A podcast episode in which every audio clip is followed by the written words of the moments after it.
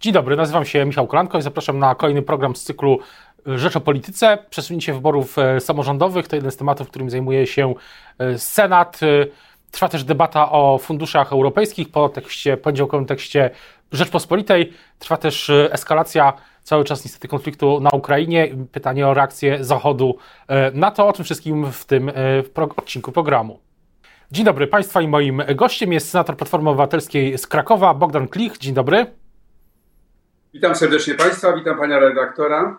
Senat zajmuje się ustawą y, zaproponowaną przez Prawo i Sprawiedliwość, przesuwającą termin wyborów y, samorządowych na wiosnę 2024 roku. No i pytanie, czy będzie senackie weto, czy będą poprawki? Jak pan sądzi? No, to jest y, jedno z tych politycznych zagrań Prawa i Sprawiedliwości, które się nie mieści w standardach demokratycznych. Dzisiaj podczas Komisji Ustawodawczej występował przedstawiciel wnioskodawców, który argumentował i karkołomnie, i nieprzyzwoicie, bo mówił na przykład o tym, że samorządowcy nie mają do tego zastrzeżeń, a wszystkie organizacje samorządowców, począwszy od Unii Metropolii Polskich, a skończywszy na innych związkach, e, wypowiadają się jednoznacznie negatywnie. Argument, że wyborami, e, terminem wyborów samorządowych można E, dowolnie się posługiwać, e, dlatego że konstytucja nie określa kadencji samorządu, jest argumentem e, też chybionym, dlatego że nie wszystko, co zasadne, musi być zapisane w konstytucji. Jest regułą to, że kadencji się nie skraca ani się nie wydłuża, a tym razem będzie ona wydłużona. W związku z tym to jest zagranie typowo wyborcze, można powiedzieć, w wigilię rozpoczęcia kampanii wyborczej do, do samorządu.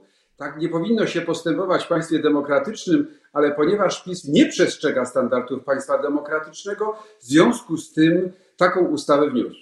A jak, jak pan sądzi, jaki będzie wpływ tej, yy, tej ustawy, jeśli ona wejdzie w życie, na, na, samą, na samych samorządowców? Czy na przykład dla prezydentów dużych miast, y, takich jak Kraków czy y, Wrocław, Warszawa, te dodatkowe pół roku to jest jakiś powód do, mm, czy w ogóle samorządowców, to jest powód do zmartwienia, czy y, dla nich to nie będzie miało większych konsekwencji w sensie samej, samego później kandydowania i kampanii wyborczej? No, według mnie intencja PiSu jest jasna. Obawia się, obawiają się, wyników e, wyborów, gdyby one się nałożyły na siebie. E, I po drugie, chcą zostawić sobie furtkę dla tych, którzy nie dostaną się do parlamentu, a ponieważ PiS przegra te wybory parlamentarne, w związku z tym będzie dużo miejsc w samorządach, które będzie chciał obsadzić. I dlatego traktuje wybory samorządowe jako szalupę ratunkową dla tych, którzy do parlamentu się nie dostaną. A czy y, skąd ta pewność, że PiS przegra wybory y, parlamentarne? Tak zapytam trochę przekornie. Bo wszystkie tendencje na to, wszystkie badania na to wskazują. Jest tendencja yy, rosnąca, jeżeli chodzi o ugrupowania opozycyjne. Nie od dziś. Ugrupowania opozycyjne yy, uzyskują większość parlamentarną, a PiS, co prawda, dość powoli, ale traci swoją e, popularność. E, e, wyzwania, które za sprawą PiSu pojawiły się w Polsce, a więc niebywała drożyzna i to drożyzna, która galopuje od roku, utrata wartości przez złotówkę, a zatem utrata wartości oszczędności, niejednokrotnie niewielkich oszczędności Polaków.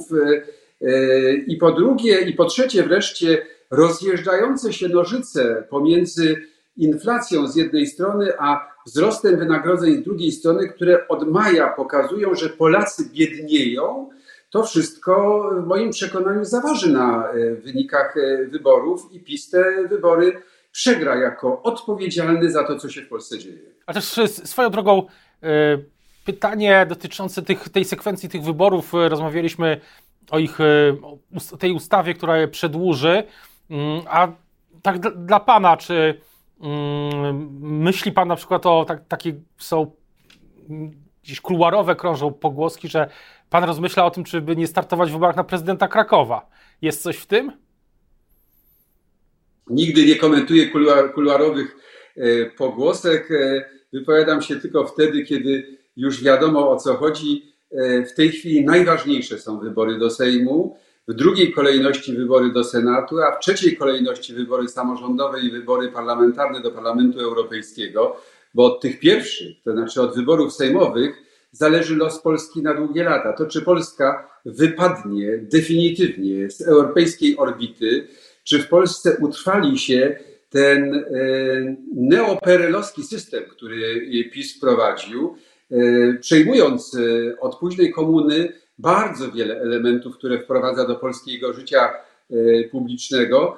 E, I wreszcie, czy Polskę uda się wyciągnąć z tej spirali, spirali inflacji, drożyzny, wzrastających e, mm, wzrastającego oprocentowania kredytów, czy też, czy też nie. To wszystko zależy od wyborów sejmowych i od koniecznego, koniecznej zmiany rządu po tych wyborach. Mam nadzieję, że to w przyszłym roku nastąpi. Tutaj jeszcze dwa wątki w tym, w tym, w tym, w tym wątku politycznym. Jeden, pakt senacki będzie odnowiony czy nie? Ja słyszałem, że, że do końca roku będzie taka mm, wersja zasad mniej więcej podziału tych wszystkich y, y, miejsc, takich y, reguł operacyjnych, a w przyszłym roku nazwiska. To jest scenariusz realistyczny?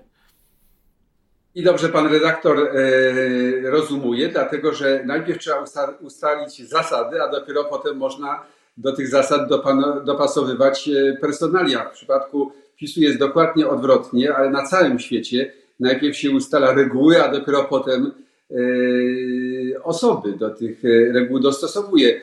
Jest taka deklaracja, która została solennie złożona przed większością demokratyczną w Senacie o już e, kilkanaście tygodni temu e, przez e, przedstawicieli wszystkich ugrupowań demokratycznych zasiadających w Sejmie i w Senacie, począwszy od Platformy Obywatelskiej poprzez Hołownię, PSL, a skończywszy na lewicach. I ta deklaracja mówi jasno, będzie odnowiony pakt senacki, dlatego że on nie tylko, że się sprawdził, ale on też gwarantuje to, że w Senacie następnej kadencji będzie zachowana większość. To też e, dopytał, myślę, że nasi widzowie by mi tego nie wybaczyli, czy pan, e, nie wybaczyliby mi, gdybym nie zapytał, czy pan też e, podjął już decyzję o kandydowaniu, bo z tego, co słyszałem, to też obecni senatorowie mają takie mm, prawo do, prawo taką, jedna z tych zasad będzie taka, że obecni senatorowie będą mm, no, mogli kandydować ponownie, bez, bez kontrowersji, że się tak wyrażę.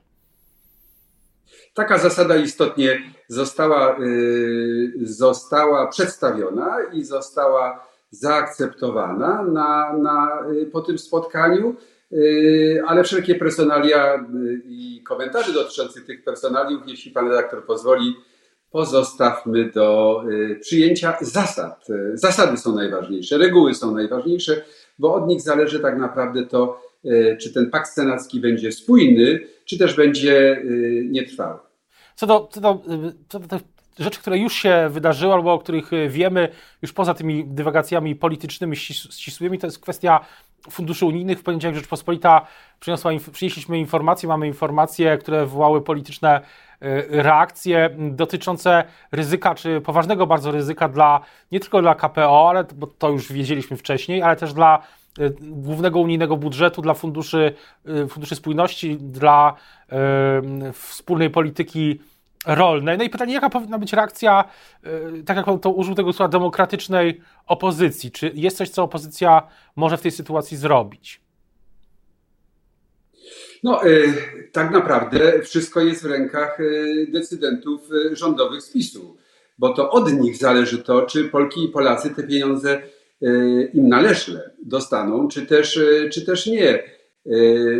PiS jak diabeł boi się woli, wody święconej, to znaczy boi się przywrócenia niezależności polskiemu sądownictwu. Boi się nawet spełnienia warunku minimalnego, to znaczy przywrócenia rzetelnego systemu odpowiedzialności dyscyplinarnej w sądownictwie i przywrócenia do pracy sędziów niezłomnych, tych, którzy bronią zasad obiektywizmu, sądów i niezawisłości y, sędziów. Znamy ich nazwiska, wiemy o kogo chodzi. PiS traktuje to jako zagrożenie. Dlaczego?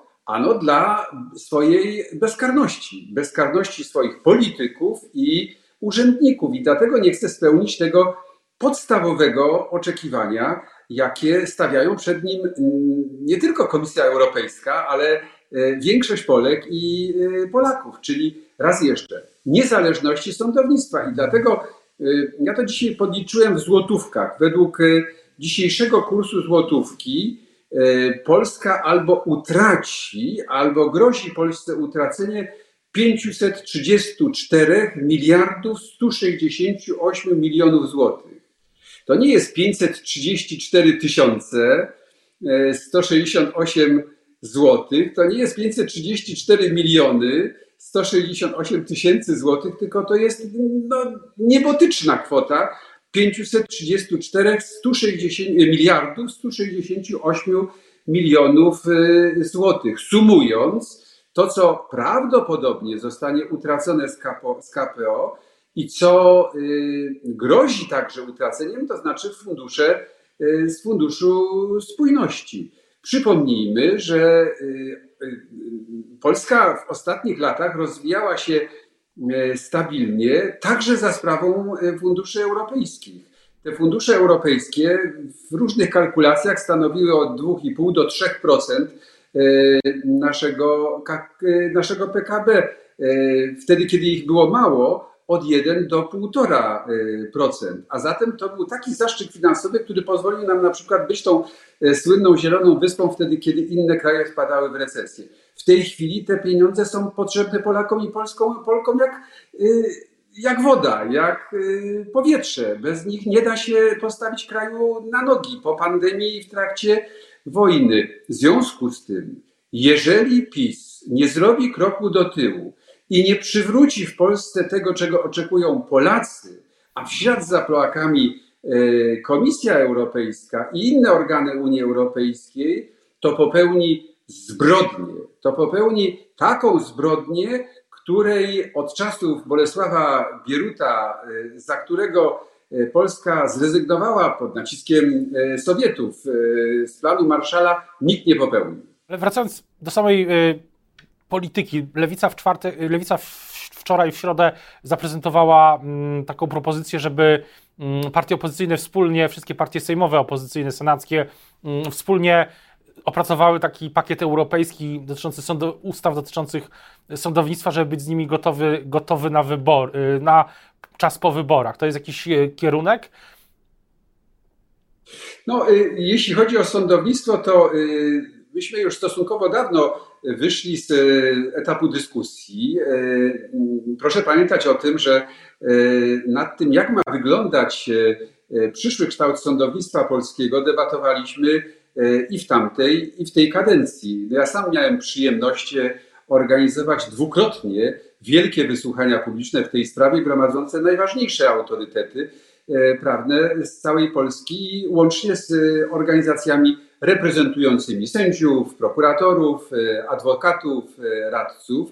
I z tego narodziła się ustawa. Taka ustawa, która została przyjęta przez większość senacką i jest ustawą Y, senacką, która trafiła w Sejmie do zamrażarki. Ona mówi jednoznacznie, co należy zrobić, żeby polskiemu wymiarowi sprawiedliwości, w tym wypadku sądownictwu, przywrócić to, co Solidarność wniosła ze sobą y, po 1989 roku do polskiego życia, publicznego, czyli niezawisłość sędziów i niezależność sądów. Wiemy, w jakim kierunku podążać.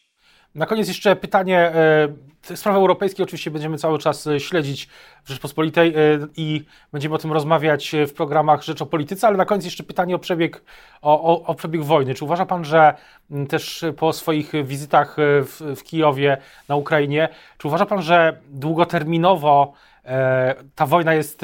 Jak się może zakończyć długoterminowo? Wydaje się, że Rosja szykuje się na długoterminowe starcie, wyciąga z z magazynów e, starsze typy uzbrojenia, być może przechowując. Tak wszystko wskazuje na to, że to nie potrwa jeszcze miesiąc, dwa miesiące, trzy miesiące, tylko rok, dwa, nawet trzy. Czy, czy, czy Zachód jest na to, e, czy Polska i Zachód, e, jako część Zachodu, jesteśmy na to gotowi? Jestem głęboko przekonany, że Ukraińcy wygrają tę wojnę. Jestem przekonany o tym, że obronią niezależność swojego kraju i przywrócą integralność te, terytorialną Ukrainy. Y, oczywiście y, Europa, Ameryka, inne części świata muszą robić coraz więcej. Robimy dużo, ale musimy robić coraz więcej, dlatego że y, wkraczamy w tej chwili w trzecią fazę wojny, która będzie wojną na totalne zniszczenie Ukrainy. To nie będzie wojna na, na, na, na przejęcie kontroli nad Ukrainą, to nie będzie wojna na e, zajęcie kawałka terytorium Ukrainy, tylko na totalne zniszczenie Ukrainy przez e, Rosję. Gdyby Rosja, nie daj Boże, zwyciężyła w tym konflikcie, to oznaczałoby, że w każdej chwili może pójść dalej że, i że inni despoci mogą zostać zachęceni do podobnych e, działań, jak na przykład przywódcy komunistycznej partii Chin po ostatnim 20 zjeździe tej partii.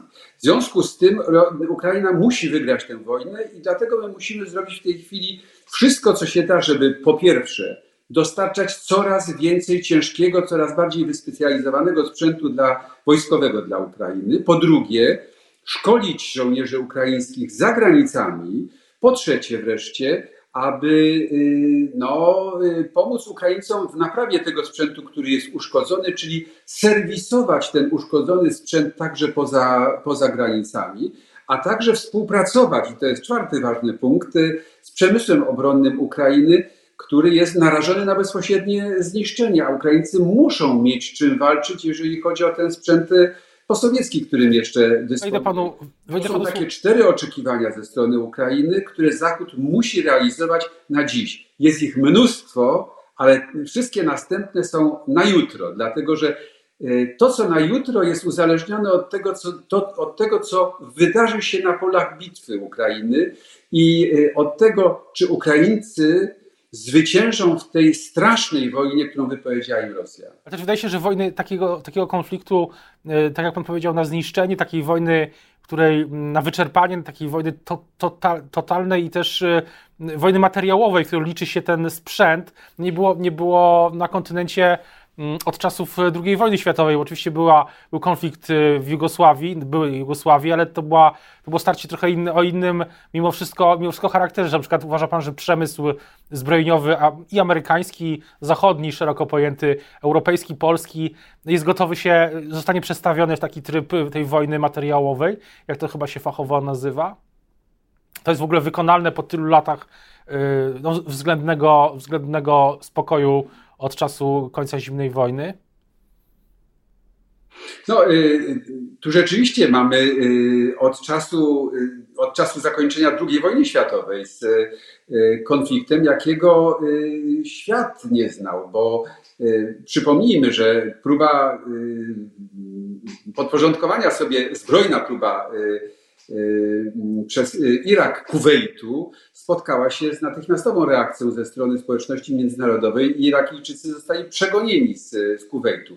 Ale to była operacja, w której, y, w której zaangażowane siły były na znacznie mniejszą skalę i w związku z tym też państwo agresor nie, była państw, nie było państwem nuklearnym. Wszystkie inne konflikty to były konflikty o charakterze lokalnym, a to jest poważny konflikt o charakterze regionalnym, w które jest zaangażowane państwo posiadające najwięcej głowic atomowej, które do niedawna jeszcze szczyciło się, że ma drugą pod względem wielkości y, armię na świecie. Oczywiście ta armia jest wydmuszką, ale też Putin jest gotów do tego, aby rzucić tysiące, dziesiątki, setki tysięcy y, poborowych, traktując ich jako y, mięso armatnie, ale po to, żeby y, zagrozić Ukrainie całej, także wykorzystując kierunek białoruski, na którym dzieją się rzeczy, które mogą być rzeczywiście bardzo niebezpieczne dla y, przyszłości tego konfliktu zbrojnego. Wracając tylko, tylko dopytam o ten przemysł. To jest y, wykonalne Pana zdaniem, żeby ten przemysł zbrojeniowy sprostał takim wyzwaniom? Chodzi o dostarczanie tej broni Ukrainie, co się dzieje cały czas na, na szczęście. To jest bardzo trudne przedsięwzięcie. E, z tych czterech punktów, o których powiedziałem, pierwszy odbywa się na bieżąco, ale potrzeba jeszcze więcej i jeszcze szybciej. O to apelujemy. W tej drugiej sprawie, czyli w kwestii treningów, cieszy decyzja, wczorajsza decyzja ministrów spraw zagranicznych Unii Europejskiej, że Unia Europejska przeznacza następne środki na szkolenie żołnierzy ukraińskich za granicami, no przede wszystkim na terenie, na terenie Polski. To będzie oznaczało także, że poszczególne kraje będą musiały się angażować bardziej finansowo w ten proces szkoleniowy, dlatego że y, tych środków unijnych proporcjonalnie do środków narodowych będzie mniej niż wcześniej. Ale 3 miliardy, ponad 3 miliardy y, euro przeznaczone na wsparcie zbrojne oraz na wsparcie szkoleniowe dla Ukrainy, to jest coś. To już ze strony europejskiej świadczy o jej, bezpo, o jej e, poważnym zaangażowaniu. E, mm, jeśli chodzi o kwestię e, napraw sprzętu ukraińskiego za granicami, to jest łatwiejsze do wykonania aniżeli współpraca zbrojeniowa. W związku z tym w tej czwartej sprawie no, czekają nas poważne decyzje. Mam nadzieję, że one nastąpią, ale pozostawmy je politykom i specjalistom. Bardzo dziękuję za rozmowę. Państwa i moim e, gościem dzisiaj był Bogdan Klich, senator Platformy Obywatelskiej z Krakowa. Dziękuję bardzo. Do usłyszenia. Dziękuję również.